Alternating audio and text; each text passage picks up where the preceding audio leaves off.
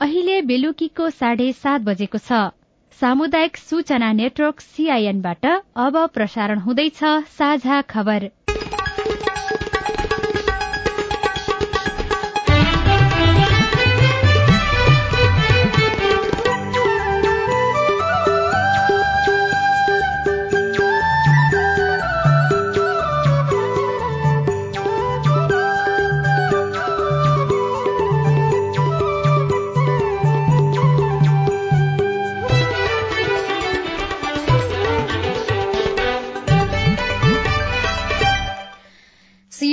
साझा खबरबाट रिसालको नमस्कार। साझा खबर देशभरिका सामुदायिक रेडियो सीआईएन खबर र मोबाइल एप सीआईएनमा पनि सुन्न सकिन्छ।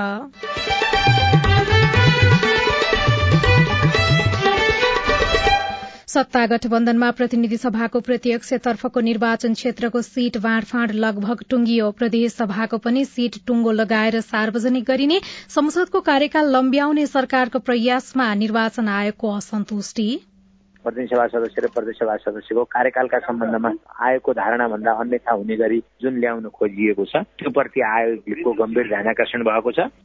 संघले बनाएको कानूनमा प्रदेशको असन्तुष्टि निर्वाचन प्रयोजनका लागि आजबाट सरूवा बडुवामा रोक उम्मेद्वार सिफारिशको क्रम अन्तिम चरणमा अधिकांश शीर्ष नेताहरू सर्वसम्मत कांग्रेसले भोलिसम्म सबै क्षेत्रको उम्मेद्वार सिफारिश गरिसक्ने।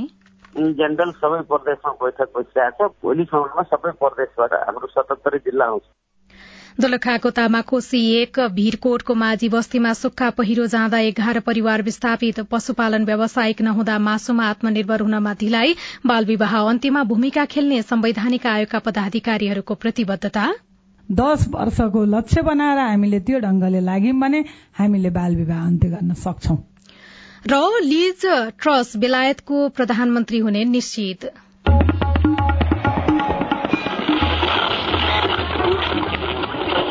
सयौं रेडियो। हजारौं रेडियो कर्मी र करोड़ौं नेपालीको माझमा यो हो सामुदायिक सूचना नेटवर्क सीआईएन स्थानीय तहमा स्वतन्त्र उम्मेद्वारहरूको उत्साहप्रद सहभागिता र विजय दुवै देखिएपछि संघ र प्रदेशसभा निर्वाचनको लागि पनि स्वतन्त्र उम्मेद्वारहरू हौसिएका छन्। सरकारी सेवामा रहेका व्यापार व्यवसाय गर्दै गरेकादेखि कलाकार र पत्रकारहरू पनि चुनाव लड्ने घोषणा सहित तयारीमा छन्। तर बुझ्नुपर्ने विषय के हो भने संसद स्थानीय तह जस्तो कार्यकारी थलो होइन। अर्को कुरा देशको सेवा गर्न सांसद नै बन्नुपर्छ भन्ने छैन। कुनै पनि पेशा व्यवसायमा प्रतिष्ठा कमाइसकेकाहरूले आफ्नै व्यवसाय तथा पेशाबाट पनि समाजको सेवा गर्न सक्छन्। उम्मेद्वार र मतदाता दुवैले यसलाई मनन गर्नुपर्छ। अब खबर अविनाश आचार्यबाट। सत्ता गठबन्धनले प्रतिनिधि सभाको प्रत्यक्षतर्फको एक सय पैंसठी निर्वाचन क्षेत्रको सीट बाँडफाँड लगभग टुंगो लगाएको छ। प्रधानमन्त्री निवास बालुवाटारमा आज बसेको कार्यदल सहित शीर्ष नेताहरूको बैठकले मोटामोटी सीट संख्या बाँडफाँड गरेको छ। आजको सहमति अनुसार कांग्रेसले त्रियासी सीट पाउने र बाँकी रहेको सीटमा अरू चार दलको भागभण्डा हुने लगभग निश्चित भएको छ। तर अझै पनि यसको औपचारिक भागभण्डा र निर्णय हुन भने बाँकी रहेको छ। प्रदेशको समेत टुंगो लगाएर भोलि मात्रै औपचारिक रूपमा सार्वजनिक गर्ने तयारी नेताहरूले गरेका छन्। कार्यदलमा मोटामोटी सीट बाँडफाँडको टुंगो लागेपछि पार्टीहरू आफ्नो दलमा आन्तरिक छलफलमा जुटेका छन्। यसअघि आज जनकपुर पुगेर माओवादी केन्द्रका अध्यक्ष पुष्पकमल दाहाल प्रचण्डले अबको दुई तीन दिनभित्रै गठबन्धन दलबीच सीट बाँडफाँड टुंगिने बताउनु भएको थियो। उहाँका अनुसार अघिल्लो निर्वाचनमा जुन क्षेत्रमा जुन दलले जितेको थियो त्यही दललाई नै सैद्धान्तिक सहमति पनि भएको छ। प्रतिनिधि सभा तथा प्रदेशसभाको कार्यकाल लम्ब्याउने गरी संघीय संसदमा पेश भएको विधेयकप्रति निर्वाचन आयोगले ध्यानाकर्षण भएको जनाएको छ। प्रतिनिधि सभा र प्रदेशसभा सदस्यको कार्यकाल गणना गर्ने आधार समेत खुलाई आयोगले नै दिएको परामर्शको आधारमा निर्वाचनको मिति तोकेको र काम समेत भइरहेको अवस्थामा प्रतिनिधि सभा तथा प्रदेश सभाको कार्यकालका सम्बन्धमा अन्यथा हुने गरी कानून संशोधन गर्नु वाञ्छनीय नहुने आयोगको भनाइ छ। नेपालको संविधानको धारा पचासी तथा धारा एक सय सतहत्तरमा प्रतिनिधि सभा र प्रदेश सभाको कार्यकाल पाँच वर्ष हुने व्यवस्था रहेको छ। आयोगले प्रतिनिधि सभा सदस्य निर्वाचन ऐन दुई हजार चौहत्तरको दफा एकसठी तथा प्रदेश सभा सदस्य निर्वाचन ऐन दुई हजार चौहत्तरको दफा एकसठीमा प्रत्यक्ष निर्वाचन प्रणालीतर्फ निर्वाचन परिणाम प्रकाशन भएको मितिलाई तथा समानुपातिक निर्वाचन प्रणालीतर्फ राजनैतिक दलको उम्मेद्वार सिफारिश भएको घोषणा भएको मितिलाई सम्बन्धित उम्मेद्वार निर्वाचित भएको मानिने व्यवस्था रहेको जनाएको छ।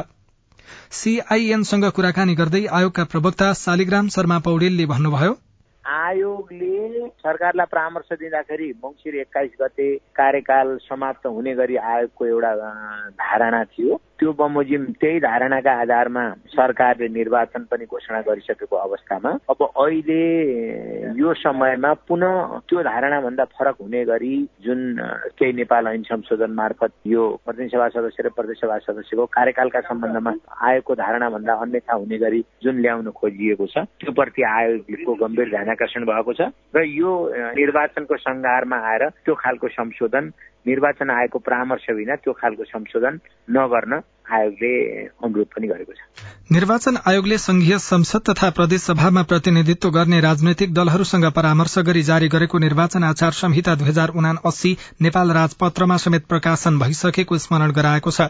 यसैबीच सरकारले आजदेखि कर्मचारीहरूको नियुक्ति सरूवा बढ़ुवा लगायत काम गर्न नपाउने भएको छ। निर्वाचन आयोगले गत भदौ दुई गते नै निर्देशन दिएर भदौ बीस गतेदेखि कर्मचारीको सरूवा बढ़ुवा नियुक्ति लगायतका कुनै पनि काम गर्न नपाउने बताएको थियो। प्रतिनिधि सभा सदस्य निर्वाचन उम्मेद्वारका लागि नेकपा एमाले अध्यक्ष केपी शर्मा ओलीको नाम झापा पाँचबाट सर्वसम्मत सिफारिश भएको छ। दुई हजार चौहत्तर सालको निर्वाचनमा पनि ओली झापा पाँचबाटै निर्वाचित हुनुभएको थियो। यस्तै वरिष्ठ उपाध्यक्ष ईश्वर पोखरेल उपाध्यक्षहरू सुभाष नेमङ र विष्णु पौडेल महासचिव शंकर पोखरेल र उपमहासचिव प्रदीप गेवाली सचिवहरू टोप बहादुर रायमाझी लेखराज भट्ट रघुवीर महासेठ र छविलाल विश्वकर्मा लगायतको नाम सर्वसम्मत रूपमा सिफारिश भइसकेको छ। यस्तै नेपाली कांग्रेसका महामन्त्री गगन थापाको नाम सर्लाही चारबाट प्रतिनिधि सभा सदस्यमा प्रत्यक्षतर्फ एकल रूपमा सिफारिश भएको छ। कांग्रेस सर्लाहीका सभापति सुरेन्द्र कुमार सिंहले युवा नेता गगन थापालाई सर्लाही चारका जनताले चुनाव लड्न माग गरेकाले उहाँको एकल नाम सिफारिश भएको बताउनुभयो। लोकतान्त्रिक समाजवादी पार्टी लोकसभाका वरिष्ठ नेता राजेन्द्र महतो धनुषा क्षेत्र नम्बर तीनबाट प्रतिनिधि सभा उम्मेद्वारमा सिफारिश हुनुभएको छ। सबै दलले उम्मेद्वार सिफारिशको क्रमलाई अन्तिम चरणमा पुर्याएका छन्। कांग्रेस माओवादी एमाले लगायत मुख्य दलहरूले आफ्ना तल्लो तहका कमिटिहरूलाई भदौ बाइस तेइस गतेभित्र उम्मेद्वारको सिफारिश गरिसक्न निर्देशन दिएका थिए। कांग्रेसका सतहत्तरवटै जिल्ला कमिटिले पठाएका नामहरूको अन्तिम टुंगो लगाउन सातवटै प्रदेशमा बैठक चलिरहेको कांग्रेस केन्द्रीय कार्यालयका मुख्य सचिव कृष्ण प्रसाद पौडेलले सीआईएनसँग बताउनुभयो। खालि यहाँ रेकर्ड आउनु बाँकी छ प्रदेश कमिटीहरूको सबैले आफ्नो बैठक राखिरहेका छन् सतहत्तरी जिल्लाको सात प्रदेशले पठाउने हो सबै प्रदेशलाई फोन गर्दा इन जेनरल सबै प्रदेशमा बैठक बसिरहेको छ भोलिसम्ममा सबै प्रदेशबाट हाम्रो सतहत्तरी जिल्ला आउँछ होला एमालेको पनि सतहत्तरवटै जिल्ला कमिटिले आकांक्षीहरूको नाम प्रदेशमा पठाएको छ र प्रदेशले भोलिसम्म केन्द्रलाई नामावली पठाइसक्ने तयारी गरेको छ। एमाले भदौ बाइस गते भित्रै आकांक्षीको नाम पठाइसक्न जिल्ला कमिटिलाई निर्देशन दिएको थियो। माओवादी केन्द्रले भने अधिकांश जिल्लाबाट उम्मेद्वार सिफारिश भएर प्रदेशमा आउने क्रम जारी रहेको जनाएको छ। सीआईएनसँग कुराकानी गर्दै नेता ओन्सरी घरतीले केही दिनभित्र सबै निर्वाचन क्षेत्रबाट सिफारिश भएका उम्मेद्वारहरूको नामावली आइसक्ने र त्यसकै आधारमा उम्मेद्वार छनौट गरिने बताउनुभयो। सातवटा प्रदेशमा हाम्रो उम्मेदवारी सिफारिस कार्य चलिरहेको छ कैयौँ जिल्लाहरूले टुङ्गाएर प्रदेशमा पठाइसके प्रदेशले पनि माथि पठाइरहेको छ कतिपय जिल्लाहरूमा अझै टुङ्गा छैन। त्यो टुङ्गाएर छिटै उम्मेदवारीको सिफारिस केन्द्रमा केन्द्रित गर्छ भने र केन्द्रले फाइनल गर्ने भन्ने योजनामा छौँ। अहिले सबै त्यसैमा लागिरहेको छ हाम्रो पार्टी। प्राप्त नामहरूबाट दलहरूले उपयुक्त व्यक्ति छनौट गरी उम्मेद्वार बनाउनेछन्। दलहरूले निर्वाचनमा उम्मेद्वार बनाउन आफ्नै मापदण्ड बनाएका छन्। बागमती प्रदेशका मुख्यमन्त्री राजेन्द्र प्रसाद पाण्डेले संघीय सरकार विरूद्ध मुद्दा हाल्ने चेतावनी दिनुभएको छ। राष्ट्रिय सभाबाट हालै पारित काठमाण्डु उपत्यका सार्वजनिक यातायात व्यवस्थापन प्राधिकरण विधेयक दुई हजार छिहत्तर र नेपाल प्रहरी र प्रदेश प्रहरी कार्य संचालन सुपरिवेक्षण र समन्वय ऐन दुई हजार छिहत्तरलाई संशोधन गर्न बनेको विधेयक संघीयता र संविधान विरोधी रहेको भन्दै मुख्यमन्त्री पाण्डेले संघीय सरकार विरूद्ध केही दिनभित्रै मुद्दा हाल्ने बताउनु भएको हो। हेटौँडामा भएको एक कार्यक्रममा उहाँले संघीयता र संविधान विपरीतको विधेयक पारित गरिएको भन्दै राष्ट्रिय सभालाई प्रश्न समेत गर्नुभयो। संवैधानिक आयोगका पदाधिकारीहरूले बाल विवाह अन्त्य गर्ने सम्बन्धी प्रतिबद्धता पत्रमा हस्ताक्षर गरेका छन्।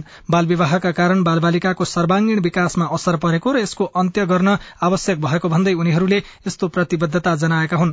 आज सामुदायिक रेडियो प्रसारक संघ अकोराबले ललितपुरमा गरेको कार्यक्रममा राष्ट्रिय महिला आयोगका अध्यक्ष कमला पराजुलीले बाल विवाहका उजुरी नै नआउने भएकाले पनि यसको न्यूनीकरणमा चुनौती देखिएको बताउनुभयो।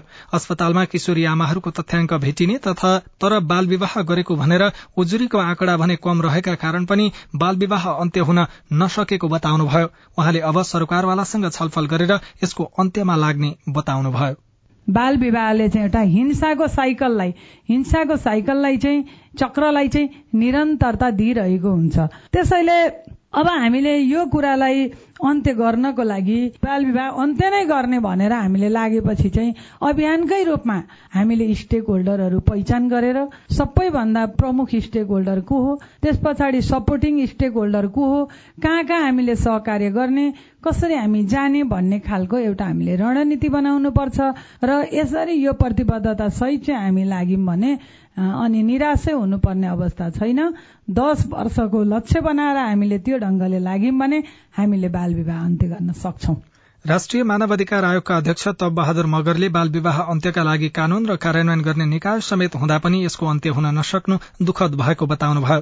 उहाँले पछिल्लो समय बाल विवाहको परम्परागत धारणा कम भएको तर बाल बालिका स्वयं नै विवाह गर्नेतर्फ उन्मुख भएको बताउँदै यसको अन्त्यका लागि केही समस्या भए आयोगमा आउन सरकारवाला निकायलाई आग्रह गर्नुभयो। कुनै किसिमको समस्या छ भने अथवा उजुरी लिएन भने जुन निकाली उजुरी लिएन भने हामी कहाँ आउनुहोस् हामीले त्यसो उजुरी गर्न सक्छौँ। प्रहरीबाट केही भएन भनेदेखि त्यस्तोबाट चाहिने हामी कहाँ आएको कति उजुरीहरू हामी दर्ता पनि गराइदिएका छौँ। कति कुराहरूमा फेरि के हुँदो रहेछ भनेदेखि अलिकति होस्टाइल भइदिने। त्यस्तो प्रतिवेदन आउँदैछ त्यस्तो चाहिँ नहोस्। हामी चाहिँ लागेर यस्तोबाट चाहिँ यहाँहरूको सँगै साथमा छौँ र जे होस् यो बाल विवाह चाहिँ अन्त्य हुनुपर्छ अन्त्य गर्नुपर्छ। हामी राष्ट्रिय मानव अधिकार आयोग चाहिँ यस्तोबाट चाहिँ सजग छौँ।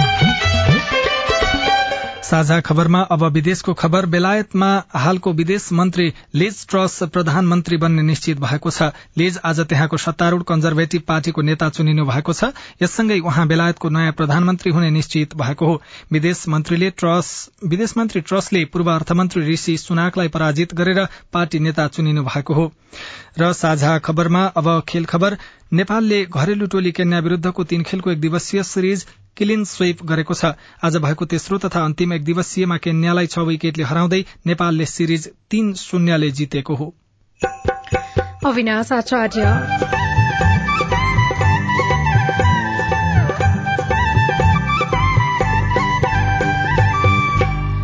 जुम्लामा भेडा पाल्नेहरू घटेका छैनन् तर मासुको उत्पादन भने घट्दै पहिला भेडाको मासु तिन सय पर्दथ्यो भने चाहिँ अहिले त्यो हजार रुपियाँ खानुमा पनि किन्न पनि लाइन लाग्नु पनि धौधौ पर्ने पाइन्छ कहिले त पाइनै पाइँदैन। उत्पादित मासुको व्यापार पनि असहज अनि भेड़ाको उपचारको लागि पनि सकस। रिपोर्ट एकल महिलाहरूको संघर्ष र परिवर्तन हुँदै गरेको समाज लगायतका सामग्री बाँकी नै छन्। सीआईएनको साझा खबर सुन्दै गर्नुहोला। मम्मी खाजा। मम्मी मेरो होमवर्क गर्ने कापी। बुहारी। एकदम खुट्टा दुख्यो। बुहारी चिया खान मन लागेको थियो। बुढी कपडा मैलो भएछ। अरे मेरो परिवार। भर्खरै सुनेको संवाद तपाईँलाई कस्तो लाग्यो? यही संवादलाई फेरि एकपटक यसरी सुनौ न है। मम्मी खाजा आज म बनाउँछु। मिठो बनाउँछु है। मम्मी मेरो होमवर्क गर्ने कापी मैले खोजिसके। अब म होमवर्क गर्छु। बुहारी एकदम खुट्टा दुख्यो। छोराले तेल तताएर लगाइदिएपछि अलि आराम भयो। बुहारी चिया खान मन लागेको थियो सबैको लागि बनाएको छु। आऊ सबैजना खान। बुढी कपडा मैलो भएछ। घर नि कस्तो फोहोर। कपडा धोएर भ्याए। अब घर सफा गर्छु। कोरोनाको महामारीबाट बस्न पनि त सरसफाई जरुरी छ नि। आहा मेरो परिवार। तपाईँलाई दोस्रो संवाद कस्तो लाग्यो? पक्कै राम्रो लाग्यो। हो तपाईँ हामी बीच जिम्मेवारी बोध भयो भने एक अर्का बीचको निकटतालाई अझ राम्रो बनाउन सकिन्छ। बाढी चोडी जिम्मेवारी परिवारमा समझदारी। महिला बालबालिका तथा ज्येष्ठ नागरिक मन्त्रालय युएन वुमन ल्याक र अकुराबको सहकार्य। सामाजिक रूपान्तरणका लागि यो हो सामुदायिक सूचना नेटवर्क सीआईएन तपाई सामुदायिक सूचना नेटवर्क सीआईएनले तयार पारेको साझा खबर सुन्दै हुनुहुन्छ। दोलखाको तामाकोसी एक भीरकोट माझी बस्तीमा सुक्खा पहिरो जाँदा एघार घर परिवार विस्थापित भएका छन्। माझी बस्तीको माथिल्लो भागमा रहेको भीरबाट आज दिउँसो सुक्खा पहिरो खस्दा भीरकोटका एघार घर परिवार विस्थापित भएको वडा अध्यक्ष वसन्त थापाले जानकारी दिनुभयो। आज दिउँसो उक्त भीरबाट एक्कासी सुक्खा पहिरो खसेको र पहिरो झर्ने क्रम नरोकिएको स्थानीयले बताएका छन्। जुम्लामा भेडा तथा बाख्रा पालन गर्ने किसानहरूको संख्या घटेको छैन। जुम्लाका उपल्लो भेगका अधिकांश किसानहरूले भेडा पाल्ने गरेका छन्। तर भेडाको स्याहार बिरामी हुँदा उपचार तथा बेचबिखनको लागि बजारको भने अभाव छ। व्यावसायिक रूपमा गरिने भेडा र बाख्रा पालनमा सहजता नभएका कारण जुम्लामा मासुमा आत्मनिर्भर भने हुन सकेको छैन। जुम्लामा लगभग तीन सय छप्पन्न जना किसानले भेडा पाल्ने गरेका छन्। पशु अस्पताल तथा पशु सेवा कार्यालय जुम्लाको तथ्याङ्क अनुसार जिल्लाभरिमा लगभग अठासी हजार जति भेडा तथा बाख्रा रहेका छन्। जुम्लाको लागि वार्षिक लगभग एघार लाख पचास हजार केजी मासुको आवश्यकता पर्छ। तर जुम्लामा वार्षिक पाँच लाख सोह्र हजार केजी मासु बाहिरी जिल्लाबाट आयात गर्नुपर्ने अवस्था रहेको छ। स्थानीय हस्तना नेउपाने पहिला भेडाको मासु तीन सय भने चाहिँ अहिले त्यो हजार रुपियाँ खानुमा पनि किन्न पनि लाइन लाग्नु पनि धौधौ पर्ने पाइन्छ कहिले त पाइने पाइँदैन। राष्ट्रिय तथ्याङ्कले भन्छ कि प्रति वर्ष प्रति व्यक्ति चौध किलो मासुको आवश्यक पर्छ। जुम्लामा भने प्रति व्यक्ति प्रति वर्ष दस किलो मासु उत्पादन हुने गरेको छ। जिल्लामा उत्पादन भएको मासु जिल्लामा नै पर्याप्त छैन। त्यसमाथि पशुपालनमा किसानलाई प्रोत्साहन गर्ने कार्यक्रम पनि प्रभावकारी छैनन्। स्थानीय किसान एमराज साई। खसीको व्यवसाय नहुनु खसीको बजारीकरण नहुनु र खसीको मूल्य निर्धारित नहुनु र समयमा खसी उत्पादन नहुनुमा खसीको मासुको एकदमै आवश्यकता छ र बजारमा बजारीकरण पनि एकदमै कम छ। व्यावसायिक पशुपालन चरण क्षेत्र पशुको आहारा मौसम अनुसारको उपयुक्त वासस्थान रोगको पहिचान तथा उपचारमा सहजता नभएका कारण भेडा बाख्रा पालनको व्यवसाय नफस्टाएको किसानहरू बताउँछन्। जुम्लामा नेपालगंज बर्दिया दाङ सुर्खेत लगायतका जिल्लाबाट कुखुराको मासु भित्रिने गरेको छ। पशु अस्पताल तथा पशु सेवा कार्यालय जुम्लाले भने जुम्ला मासुमा आत्मनिर्भर बन्ने बाटोमा रहेको दावी गरेको छ। कार्यालय प्रमुख गोविन्द बहादुर महत अबको दुई वर्षभित्र जुम्लालाई मासुमा निर्भर बनाउने लक्ष्य सहित काम गरिरहेको दावी गर्नुहुन्छ। यसै मासुमा आत्मनिर्भर गर्नको लागि जुम्ला जिल्लामा एउटा स्रोत केन्द्र स्थापना गरेका छौँ। यहाँको हिसाबले भन्ने हो भने प्रति वर्ष प्रति व्यक्ति चौध किलो मासु आवश्यक पर्छ।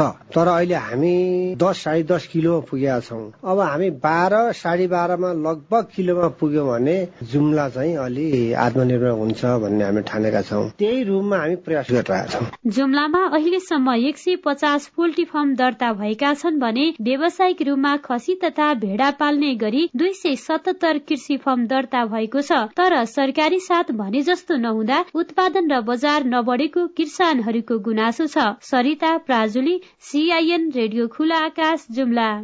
जुम्लामा भेडा र बाख्राको व्यावसायिक पालनमा कठिनाई छ। बैतडीमा उत्पादित अगरबत्तीको बजारीकरण पनि सोचे जस्तो छैन। बैतडीका दुई दाजुभाइले अगरबत्ती उद्योग सञ्चालन गरेका छन्। बजार भए आमदानी पनि राम्रो हुन्छ तर सरकारबाट सहयोग नपाएको गुनासो उनीहरूको पनि छ। भारतबाट फर्केर पाटन नगरपालिका छका पन्त दाजुभाइले अगरबत्ती उद्योग सञ्चालनमा ल्याएका छन्। सञ्चालक मध्येका एक किशोर पन्तका अनुसार उद्योगबाट महिनाको तीसदेखि चालिस हजारसम्म आमदानी भइरहेको छ। ठिकै छ सर। दार्चुला गोगलीमा जान्छ दार्चुलाको। अब यहाँ स्थानीय भयो।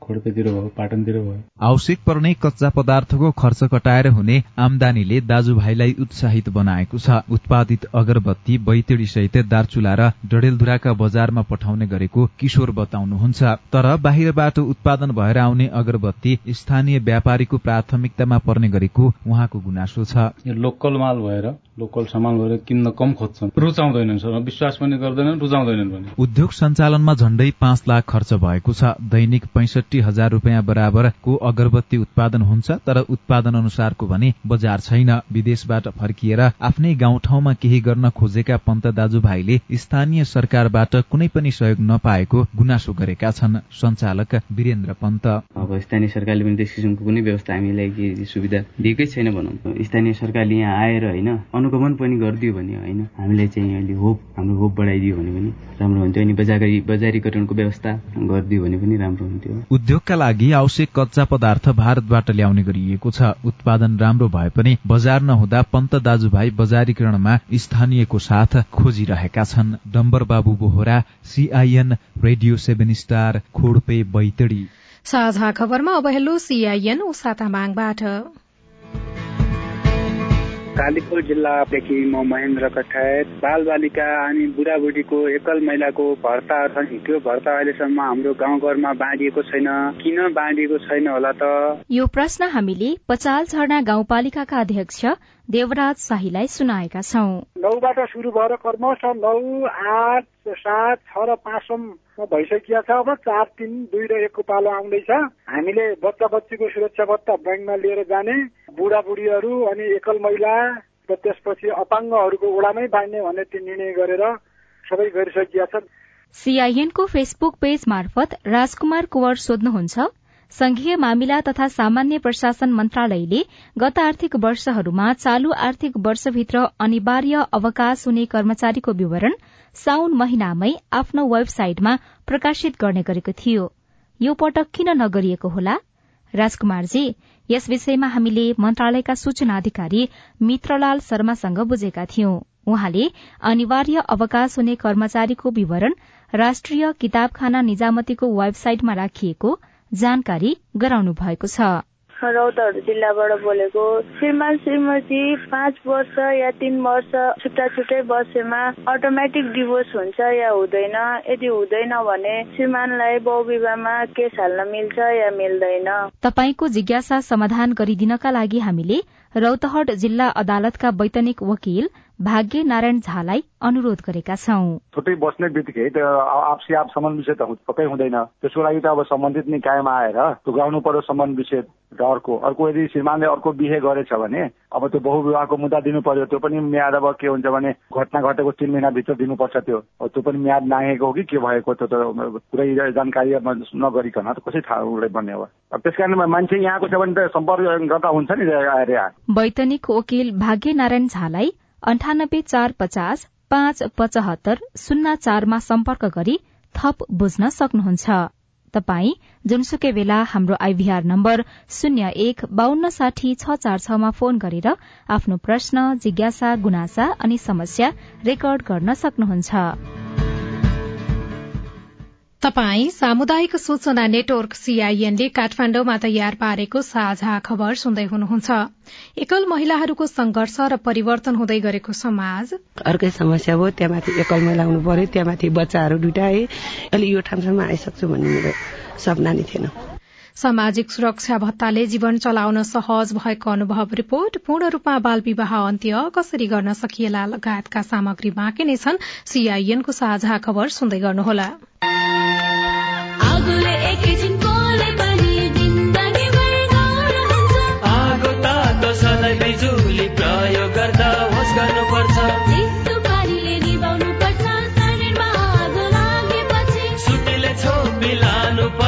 बिरामीलाई स्वास्थ्य चौकी। नानी हुन्न भान्सामा खेल्नु तातो र बल्ने सामान हुन्छ।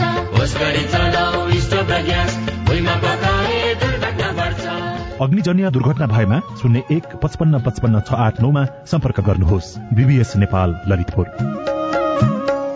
सामाजिक रूपान्तरणका लागि यो हो सामुदायिक सूचना नेटवर्क सीआईएन तपाई सामुदायिक सूचना नेटवर्क सीआईएनले काठमाण्डुमा तयार पारेको साझा खबर सुन्दै हुनुहुन्छ। विभिन्न कारणले श्रीमान गुमाएर एकल बनेका महिलाहरूले सामाजिक विभेद भोगिरहेका छन्। श्रीमानको मृत्युपछि एकल रूपमा बाँच्नु पर्दा जीवन संघर्षपूर्ण भएको उनीहरूको गुनासो छ तर समय अनुसार परिवर्तन भने हुँदै गइरहेको छ। काभ्रेकी भगवती मिजार त्रिसठी वर्षको हुनुभयो। सत्ताइस वर्ष अघि श्रीमान गुमाउनु भएका उहाँले एकल रूपमा संघर्ष गर्नुभयो। सकेसम्म आफ्ना छोराछोरीलाई असल शिक्षा दीक्षा दिने कोसिस गर्नुभयो तर श्रीमानको निधन पछिको जीवन सहज भने भएन। महिला भनेपछि अब दुःख पाएपछि सबैले हेप्ने टेप्ने त भइहाल्छ। नि अब खेतीपाती गर्न नि गाह्रो हो। अब बच्चाहरूलाई पढाउन सकेन रमिता थापाका दुई सन्तान छन्। श्रीमानको मृत्यु भएपछि माया ममता र साथ पनि गुम्दा जीवन संघर्षपूर्ण बनेको उहाँको भोगाई छ। मैले कति दुःख पाएर कति हन्डर खाएँ भने मैले अहिले यो ठाउँमा आइसक्छु यो ठाउँमा आउँछु। त्यहाँमाथि अर्कै समस्या हो त्यहाँमाथि एकल महिला हुनु पर्यो त्यहाँमाथि बच्चाहरू दुइटा है अहिले यो ठाउँसम्म आइसक्छु भन्ने मेरो सपना नै थिएन। विभिन्न कारणले श्रीमान गुमाउनु पर्दा भावनात्मक र आर्थिक रूपमा कमजोर हुने र समाजले पनि साथ नदिएको एकल महिलाहरूको गुनासो रहेको छ। तर पनि एकल रूपमा छोराछोरी हुर्काउने घर व्यवहार र व्यावसायिक जीवन सम्हालेका महिलाहरू पनि थुप्रै छन्। काभ्रे कुसादेवीकी तारा पौडेल। मेरो अब डेढ वर्ष छोरी तिन वर्ष छोरी स्याहारेर अब सात महिना भोलि आफ्नो श्रीमान गुमाएर बस्दा मैले स्याहारेर बस्या हजुर अब त्यस्तै हो। अहिले राम्रै छ। आफूले त्यस्तो केही बेमान गरिएन कसैलाई नचाहिँदो भनिएन नचाहिँदो गरिएन। आफ्नो जिन्दगी बिताउँदै आइयो है जसरी नै आफ्नो जीवन बितायो। श्रीमानको अभाव झेल्दै जीवन बिताइरहेका महिलाहरू आफै आत्मनिर्भर बन्ने क्रम पनि शुरू भएको छ भने सरकारले दिने सामाजिक सुरक्षा भत्ता उनीहरूको लागि आर्थिक सहायताको माध्यम बनेको छ। अब एकल भत्ताले धेरै सहज भएको छ नि। अब भनौँ न पहिला पहिला हो भनेदेखि कोही कसैले ऋण पत्याउँथेन केही गर्न्थेन। अहिले त मेरो भत्ता आउँछ भत्ता आएपछि मैले अलिअलि पनि तिर्न सक्छु गर्न सक्छु भन्ने हुन्छ। एकल महिलालाई गरिने व्यक्तिगत र सामाजिक किसिमका विभेद बिस्तारै कम हुँदै गएको छ तर महिलाहरूले भोग्नुपर्ने विभिन्न अप्ठ्याराहरू अझै पनि बाँकी नै छन्। पनौती नगरपालिका उपप्रमुख गीता बन्जारासँग रातो कपडा टीका लगाउनको लागि ठूलै संघर्ष गर्नु परेको अनुभव छ। यो कुरीति र कुसंस्कारको अन्त्य गर्नुपर्छ भनेर दुई हजार एकसठी सालमा अहिलेको सम्मानीय राष्ट्रपति विद्यादेवी भण्डारीबाट हामीहरूले बनेपाको बुडोलमा भव्य कार्यक्रम गरेर महिला दिदीबहिनीहरूलाई रातो टिका र रातो पहिरनमा हामी उपस्थित गराउनु पर्छ एकल महिलालाई भनेर हामीले टिका र दोसल्लाको कार्यक्रम गरेर काभ्रे जिल्लाका विभिन्न कुना र काप्चामा बस्ने महिला दिदीबहिनीहरूलाई सम्मान गरेका थियौं। तर महिलामाथि हुने विभेद बिस्तारै कम हुँदै गएको र महिलाहरू आत्मनिर्भर बन्दै गएकाले एकल जीवन संघर्षपूर्ण भए पनि निराशाजनक भने नरहेको उनीहरू बताउँछन्। Bikash Timal Sinha CIN prime FM Kavre. बाल विवाह लगायत नेपालमा चालिस भन्दा धेरै प्रकारका हानिकारक परम्परा छन्। बीस वर्ष नपुगी गरेको विवाहलाई गैर कानूनी मानिन्छ यसबीचमा सरकारले नै विवाह गर्न पाउने कानूनी उमेर घटाउने प्रस्ताव ल्याएपछि विभिन्न टिप्पणी पनि भइरहेका छन्। बाल विवाह नियन्त्रणका लागि कानून संशोधनको आवश्यकता कति छ? हामीले हाल कार्यान्वयनमा रहेको देवानी संहिताका मस्यौदाकार समावेशी आयोगका अध्यक्ष डाक्टर रामकृष्ण तिमल सिन्हासँग सोधेका छौं। भएर गरे हो अहिले आएर मूल्याङ्कन गर्दा केही सामाजिक त्रुटिहरू भएको फिल भएको छ। बाल विवाह रोक्न नसकेको आजको स्थितिमा बाल विवाहलाई फौजदारी कानूनले कसुर कायम गरेको एकातिर त्यो बाल विवाहको परिणाम हुन सक्ने सम्बन्ध। त्यसबाट सृजना हुने ल इन्फोर्समेन्टको समस्याहरू सामाजिक अन्याय र विभेदका जुन इस्युजहरू छन् यसलाई एड्रेस गर्न छुट्टै किसिमले कानूनमा संशोधन गर्नुपर्ने अवस्था आज मैले देखेको छु। त्रुटि भएको महसुस भयो भन्नु भने त्यो चाहिँ त्यतिखेर लेख्दाखेरि किन भएन अहिले आएर किन भयो तपाईँलाई? हामीले अन्तर्राष्ट्रिय स्तरको कानूनको मान्यताबाट ड्राफ्ट गर्न पुगेका थियौँ। केटा मान्छेलाई बिस केटी मान्छेलाई अठार भन्ने जुन स्थिति थियो समानता हुनुपर्छ यो केटा र केटीको भन्ने कुरा आयो। तर यसको साइड इफेक्ट कहाँ पर्यो? भन्दा हाम्रो समाज अशिक्षित रूढिवादी गरिबीबाट ग्रस्त यो समाजमा परम्परादेखिबाट यो हार्मफुल प्र्याक्टिसेसहरू बाल विवाह जस्तो। त्यो प्र्याक्टिस बन्द हुन सकेन। तर त्यो प्र्याक्टिसबाट अरू कानूनहरूमा असर पर्यो। जस्तो अठार वर्षभन्दा तलको बाल बालिकालाई मन्जुरीले अथवा बेमन्जुरी जुनसुकै तरिकाबाट शारीरिक सम्बन्ध हुन सक्छ भने त्यो रेप हुन्छ भन्ने भनियो। यसले गर्दा त के भयो भन्दा सोह्र वर्षको बच्चा बच्चीको विवाह भयो र उनीहरूको सम्बन्ध भयो भने श्रीमान श्रीमतीको बीचमा सहमतिमा भएको सम्बन्ध पनि रेप हुने भयो। यसले गर्दा धेरै मान्छेहरू थाहा नपाई नपाई क्रिमिनल लको फन्दामा पर्न सक्ने। त्यतिखेर तपाईँहरूले कानून बनाउँदाखेरि यो विषय अध्ययन गर्नुभएको थिएन? कानूनमा के छ? परम्परा समाज के कस्तो तरिकाले चलिरहेको छ? कानूनबाट सुधार गरिएन भने नेपाल फेरि पनि अर्को पचास वर्ष पछाडि पर्छ। त्यसैले रिभोल्युसनरी ल बनाउनु पर्छ भनेर नै सदाशयुक्त रूपमा बनाएको हो। एउटा दुईटा घटना भयो भए हुन्थ्यो धेरै घटनाहरू। विशेष गरी अल्पसंख्यक सीमान्तीकृत वर्गहरूमा यो समस्या देखिएको हुनाले कतै सोसल जस्टिसको प्यारामिटरबाट गल्ती त भएन भन्ने अहिले महसुस अब सच्याउनलाई चाहिँ के गर्नुपर्छ त अब? अब यो नेपाल सरकारले यो कानून संशोधन गरेर सच्याउन सक्छ।